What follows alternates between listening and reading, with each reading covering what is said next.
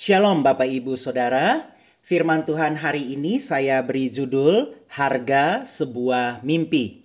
Tahun ini tema besar daripada gereja kita, Gereja Mawar Sharon adalah Tahun Mimpi dan Penglihatan. Kita telah belajar bersama-sama dari se seorang tokoh yang luar biasa di dalam Alkitab, dari seorang yang bernama Yusuf. Yusuf mempunyai sebuah mimpi. Dia punya mimpi yang besar dan karena mimpinya dia dibenci oleh saudara-saudaranya. Dia dimasukkan ke dalam dia dia hendak dibunuh, dia dimasukkan ke dalam sumur, kemudian dia dijual, kemudian dia sampai ke rumah Potifar. Di rumah Potifar dia difitnah lalu kemudian dijebloskan ke dalam penjara. Di dalam penjara dia dipercaya oleh kepala penjara, dia uh, diberi kepercayaan di dalam penjara itu, lalu kemudian dia menolong uh, rekan-rekannya yang di dalam penjara itu. Tetapi dia dilupakan oleh orang-orang yang dia tolong. Dia dilupakan. Beberapa waktu kemudian, lebih kurang dua tahun kemudian, karena Firaun bermimpi dan orang yang dia tolong itu mengingat akan apa yang Yusuf lakukan, kemudian Yusuf dihadapkan di hadapan Firaun. Singkat cerita, Yusuf uh, menggenapi mimpi yang Tuhan berikan di dalam kehidupannya. Nah, mimpi-mimpi yang diberikan di dalam kehidupannya itu tidak akan pernah tergenapi di dalam kehidupannya jika Yusuf tidak dengan sengaja membayar harganya. Yusuf harus dengan sengaja membayar harganya. Harga yang dibayar oleh Yusuf itu saya saya bahasakan dengan kedewasaan rohani.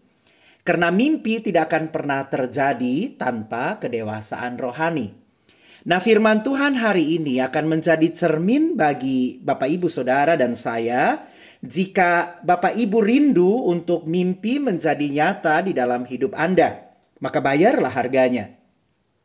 Mulailah dengan meninggalkan sifat atau sikap kekanak-kanakan Anda dan jadilah dewasa. Hari ini terimalah tuntunan, teguran yang mengarahkan Anda untuk melembutkan hati dan bertobat. Firman Tuhan katakan hari ini, jika engkau mendengarkan firman ini, jangan keraskan hatimu. Anda dan saya punya potensi untuk mengeraskan hati. Kita sulit ber ber bertobat, lalu kemudian menjadi keras. Lama-lama kekerasan hati Anda akan membuat Anda menjadi biasa, terbiasa, kemudian akan menghancurkan Anda dari dalam. Nah, melanjutkan firman Tuhan di ibadah pertama tadi pagi, Mari kita baca kita baca bersama-sama 1 Korintus 3 ayat 1 sampai dengan 4. Dan aku saudara-saudara pada waktu itu tidak dapat berbicara dengan kamu seperti dengan manusia rohani, tetapi hanya dengan manusia duniawi yang belum dewasa di dalam Kristus. Amin. Paulus ketika menjumpai jemaat Korintus, Paulus katakan, "Aku tidak bisa berurusan dengan manusia yang belum dewasa di dalam Kristus." Karena kamu ini masih kekanak-kanakan secara rohani. Ayat yang kedua katakan, "Susulah yang kuberikan kepadamu, bukanlah makanan keras, sebab kamu belum dapat menerimanya, dan sekarang pun kamu belum dapat menerimanya." Ayat 3, "Karena kamu masih manusia duniawi, Sebab jika di antara kamu ada iri hati dan perselisihan, bukankah hal itu menunjukkan bahwa kamu manusia duniawi dan bahwa kamu hidup secara manusiawi? Ayat 4, karena jika orang karena jika yang seorang berkata, aku dari golongan Paulus, dan yang lain berkata, aku dari golongan Apolos, bukankah hal itu menunjukkan bahwa kamu manusia duniawi yang bukan rohani? Amin.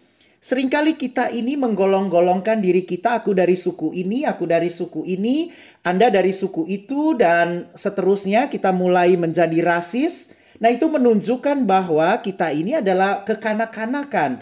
Bahwa kita ini adalah manusia yang bukan rohani. Amin. Sementara gereja kita adalah gereja segala suku bangsa. Bukankah Tuhan menerima setiap kita? Bukankah Tuhanlah yang juga menjadikan setiap kita dengan berbagai latar belakang kita, suku kita, perbedaan-perbedaan kita? Amin. Paulus melihat ketidakdewasaan orang-orang di Korintus. Amin. Nah, kedewasaan rohani itu tergantung dari bagaimana cara kita membangun hubungan kita dengan Tuhan dan membangun hubungan kita dengan sesama. Tadi pagi saya sampaikan bahwa pengenalan kita akan Tuhan itu akan menuntun kita kepada kesempurnaan. Kemuliaan Tuhan yang terpancar di dalam hidup kita menghasilkan karakter Kristus di dalam kehidupan kita. Harusnya kita semakin lama semakin ikut Tuhan pada waktu kita mengambil keputusan untuk bertumbuh menjadi dewasa secara rohani, karakter Kristus itu akan lahir di dalam kehidupan kita. Kita tidak menjadi manusia-manusia yang kekanak-kanakan. Kita tidak menjadi bayi-bayi rohani, tapi kita bertumbuh menjadi orang-orang yang dewasa secara rohani. Kemuliaan Kristus itu terpancar di dalam kehidupan kita. Kemuliaan itu menunjukkan kualitas. Kemuliaan itu menunjukkan karakter yang semakin lama semakin diubah untuk menjadi semakin serupa dengan Kristus. 20 tahun Anda mengikuti Tuhan Yesus, kalau Anda tidak pernah mengambil keputusan untuk menjadi dewasa, Anda tidak akan pernah menjadi dewasa secara rohani. Anda hanya akan tetap menjadi bayi-bayi rohani di dalam kehidupan Anda. Maka Paulus katakan susulah yang kuberikan kepadamu dan bukan makanan keras. Anda hanya akan tetap sampai di tempat di mana Anda berada sekarang ini sebelum Anda dengan sebuah keputusan mengambil keputusan untuk meninggalkan sifat kekanak-kanakan Anda dan menjadi orang-orang yang dewasa secara rohani di dalam Tuhan. 1 Korintus 13 ayat yang ke-11 berkata, "Ketika aku kanak-kanak, Aku berkata-kata seperti kanak-kanak, aku merasa seperti kanak-kanak, aku berpikir seperti kanak-kanak. Sekarang sesudah aku menjadi dewasa, aku meninggalkan sifat kekanak-kanakan itu. Amin. Paulus berkata, aku berkata-kata, aku merasa, aku berpikir seperti kanak-kanak. Kalau kata-kata Anda adalah kata-kata kekanak-kanakan, kalau perasaan Anda adalah perasaan yang kekanak-kanakan. Kalau cara berpikir Anda adalah cara berpikir yang kekanak-kanakan. Maka Paulus katakan, sekarang sesudah aku menjadi dewasa, aku meninggalkan sifat kanak-kanak itu. Amin. Jadi meninggalkan sifat kekanak-kanakan adalah sebuah keputusan. Maka hari ini ambillah keputusan untuk menjadi dewasa di dalam Tuhan. Amin. Yakobus 3 ayat yang ke-11 sampai 17 berkata, Adakah sumber memancarkan air tawar dan air pahit dari mata air yang sama?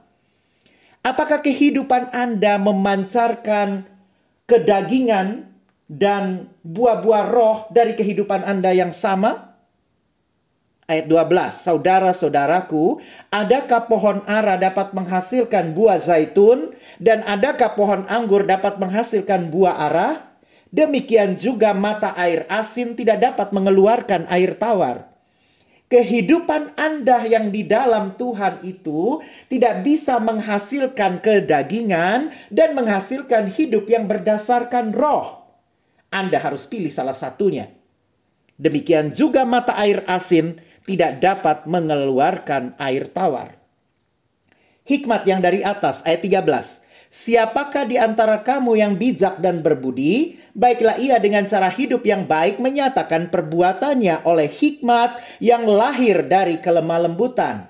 Jika kamu menaruh perasaan iri hati dan kamu mementingkan diri sendiri, janganlah kamu memegahkan diri.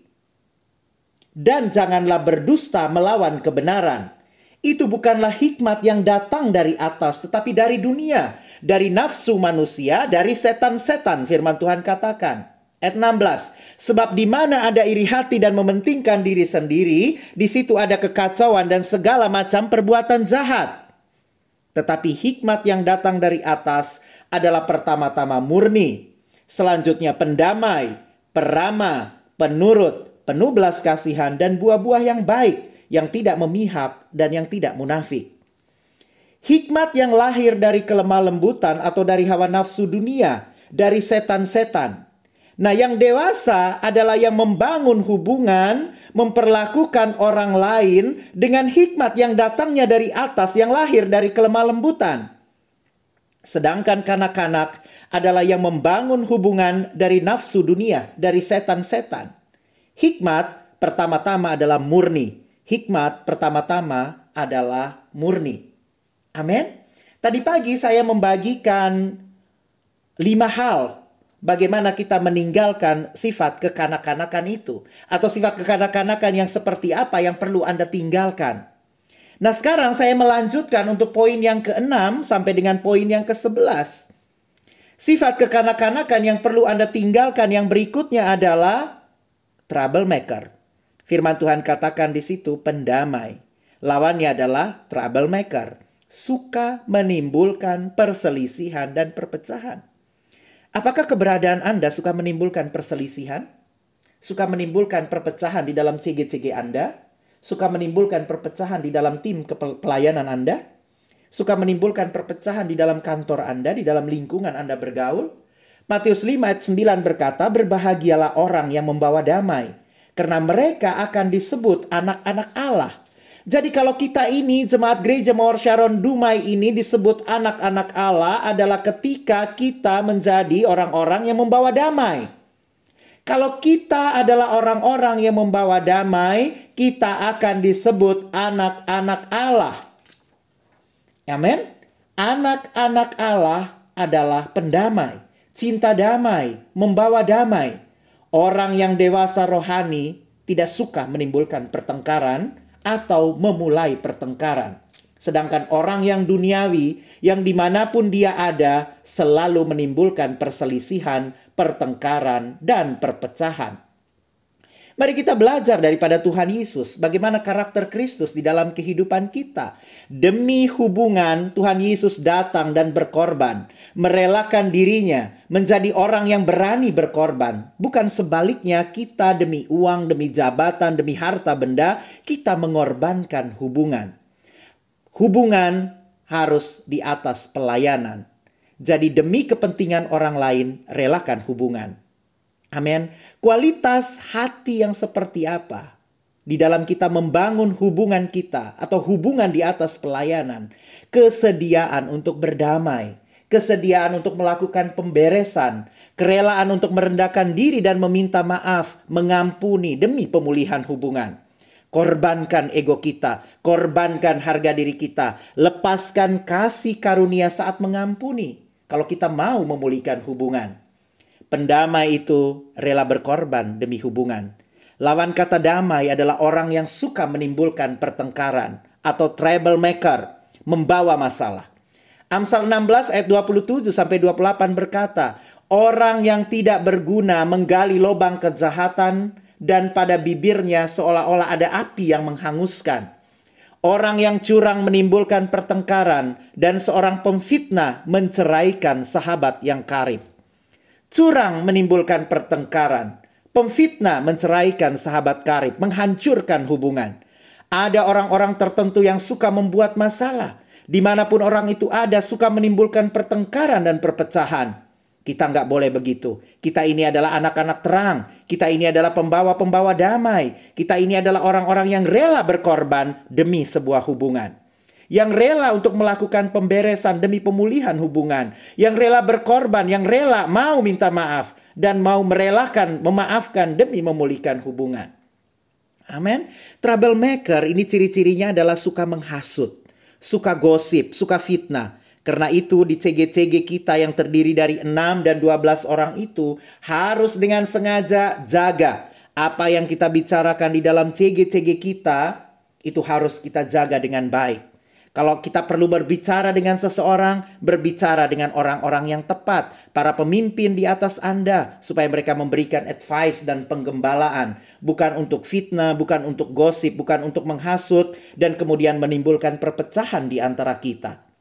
Amsal 6 ayat yang ke-16 sampai 19 berkata, Enam perkara ini yang dibenci Tuhan, bahkan tujuh perkara yang menjadi kekejian bagi hatinya, yaitu mata sombong, lidah dusta, tangan yang menumpahkan darah orang-orang yang tidak bersalah, hati yang membuat rencana-rencana yang jahat, kaki yang segera lari menuju kejahatan, seorang saksi dusta yang menyembur-nyemburkan kebohongan, dan yang menimbulkan pertengkaran saudara. Amin. Menimbulkan pertengkaran saudara. saksi dusta, menyemburkan kebohongan, menimbulkan pertengkaran dengan hasutan, dengan fitnah, dengan gosip, dengan kebohongan. Amsal 22 ayat yang ke-10 berkata, Usirlah si pencemooh, maka lenyaplah pertengkaran, dan akan berhentilah perbantahan dan cemooh. Usirlah pencemooh. Cek Bapak Ibu Saudara. Apakah saat kita ada justru muncul kedamaian? perselisihan dan perbantahan berhenti atau sebaliknya? Orang yang rohani adalah orang yang cinta damai. Kerelaannya berkorban demi sebuah hubungan. Kekanak-kanakan berlaku tidak spiritual, tidak rohani. Jadilah orang yang bukan penyebab perselisihan dan pertentangan. Bapak Ibu belajar sesuatu? Amin. Yang ketujuh, kasar. Ya, di firman Tuhan dikatakan perama atau lawannya adalah kasar adalah orang yang mengatakan atau melakukan sesuatu yang tidak semestinya, tidak menyenangkan, bahkan sampai melukai orang lain, tidak pantas dan membuat orang lain jengkel dan sakit hati atau kasar. Nah, ciri-cirinya 1 Korintus 13 ayat yang kelima berkata, ia tidak melakukan yang tidak sopan dan tidak mencari keuntungan diri sendiri. Ia tidak pemarah dan tidak menyimpan kesalahan orang lain. Amin. Kasih itu tidak melakukan yang tidak sopan. Kasih itu tidak berbuat kasar, suka menghakimi, dan juga memberi label. Amin. Ada di dalam keluarga-keluarga kita, di dalam hubungan suami dan istri, di dalam hubungan orang tua dan anak, di dalam hubungan atas dan bawahan, di dalam hubungan CG leader, leader dengan member, di dalam hubungan kita satu sama lain, sering kali ada cinta beracun Seringkali kita merasa itu adalah sebuah itu kita merasa bahwa itu adalah sesuatu yang baik tapi sesungguhnya kita kasar. Kita mengharapkan sesuatu yang kita mencari keuntungan diri kita sendiri. Kita kita tidak peramah tapi kita menjadi orang-orang yang kasar. Karena itu mulai hari ini mari kita belajar untuk menjadi orang yang ramah, ramah satu sama lain. Kita mulai keluar dari keegoan kita dan kita mulai ramah kita kita berlaku tidak kasar dengan orang-orang yang ada di sekeliling kita. Kedewasaan kerohanian kita ditentukan dengan bagaimana cara kita memperlakukan orang lain di dalam kita membangun hubungan kita dengan orang lain. Amin. Yang kedelapan, penurut atau lawannya adalah pemberontak. Amsal 29 ayat 1. Siapa bersih tegang leher walaupun telah mendapat teguran akan sekonyong-konyong diremukan tanpa dapat dipulihkan lagi. Diremukan tanpa dapat dipulihkan lagi, bersih tegang leher, melawan, tidak mau menurut, tidak bisa diatur, sikap keras kepala. Nah saya berdoa pemberontak ini tidak terjadi pada member-member CG kita. Tidak terjadi di tengah-tengah kita di dalam gereja ini anak-anak Allah yang ada di dalam gereja Mawar Sharon ini. Tidak boleh ada pemberontakan di dalam hidup kita. Pemberontak sekali lagi itu adalah orang-orang yang melawan. Adalah orang-orang yang tidak mau menurut. Adalah orang-orang yang tidak bisa diatur. Adalah orang-orang yang keras kepala. Firman Tuhan katakan, kalau orang ini sudah mendapat teguran, maka akan sekonyong-konyong diremukan tanpa dapat dipulihkan lagi. Kalau orang yang memberontak sudah ditegur, dia tidak dapat dipulihkan lagi. Amin. Berhubungan dengan Tuhan bukan melembutkan hati dan bertobat, malah mengeraskan hati. Jadi waktu bertobat Anda itu adalah sekarang, bukan nanti. Saya sampaikan di tadi pagi bahwa kalau Anda tidak mau bertobat sekarang, anda tidak mau melembutkan hati Anda sekarang, maka hati Anda itu akan semakin hari semakin keras, lalu lama-lama tidak akan bisa dipulihkan lagi. Amin. Semakin mengeraskan hati, Anda akan sampai ke titik di mana dia tidak bisa kembali lagi. Sudah terlanjur keras hati, sulit untuk bertobat lagi, sulit untuk mentaati Tuhan, sulit untuk mentaati firman Tuhan. Amin firman Tuhan itu akan semakin lama semakin lembut, semakin lembut, semakin lembut lalu kemudian sampai Anda bisa Anda tidak bisa mendengarnya lagi karena Anda mengeraskan hati Anda. Anak-anak terhadap orang tua juga tidak suka otoritas. Orang anak-anak yang tidak suka otor, otoritas. Amin. kepada para pemimpin, kepada orang tua. Orang tua Anda bicara A, pemimpin Anda bicara A, Anda lakukan B, C, D, bahkan Anda melakukan Z. Suami istri satu sama lain juga bisa keras. Amin. Tidak ada satu yang memulai untuk merendahkan diri dan mengusahakan pemulihan hubungan. Nah, perceraian sering kali terjadi karena suami dan istri sama-sama keras, sama-sama punya sikap yang memberontak. Sedangkan orang-orang yang rohani atau yang memiliki kedewasaan rohani mengembangkan sikap menurut, mau taat dan mau tunduk. Amin. Taat tetapi tidak tunduk ya sama saja. Tunduk itu sikap hati. Orang tertentu bisa saja taat melakukan apa yang diminta tapi sikap hatinya tidak tunduk. Dia melakukan tetapi sikap hatinya itu bebal, memberontak. Hatinya itu tidak mau. Nah, di dalam kita membangun hubungan, buanglah sikap hati tidak taat dan tidak tunduk. Kalau tidak, maka pasti akan ada perselisihan. Nah, itu menunjukkan kualitas kedewasaan kerohanian kita. Amin. Yang kesembilan, Anda masih bersama saya Bapak Ibu Saudara? Penuh belas kasihan dan buah-buah yang baik. Amin. Penuh belas kasihan dan buah-buah yang baik ini lawan katanya adalah parasit. Apakah Anda parasit? Amin. Apa itu parasit?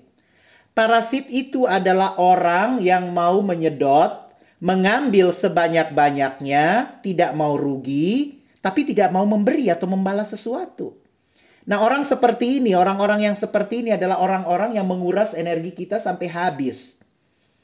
Amin. Pas giliran kita, oke. Okay. Pas giliran dia, no oke. Okay. Nah, sulit untuk dimintai tolong.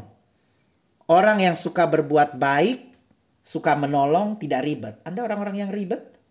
Amin. Buat hidup ini lebih mudah ya. Mari kita belajar dari Tuhan Yesus. Tuhan Yesus sendiri punya hati yang penuh dengan belas kasih. Hati Bapaknya itu melimpah.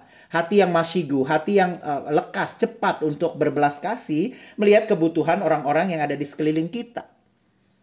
Tuhan Yesus selalu punya hati yang berbelas kasih. Kita orang orang sudah susah, orang sudah betul-betul mengharapkan pertolongan, orang betul-betul mengharapkan keselamatan. Kita masih menunda-nunda untuk memberitakan keselamatan kepada orang tersebut.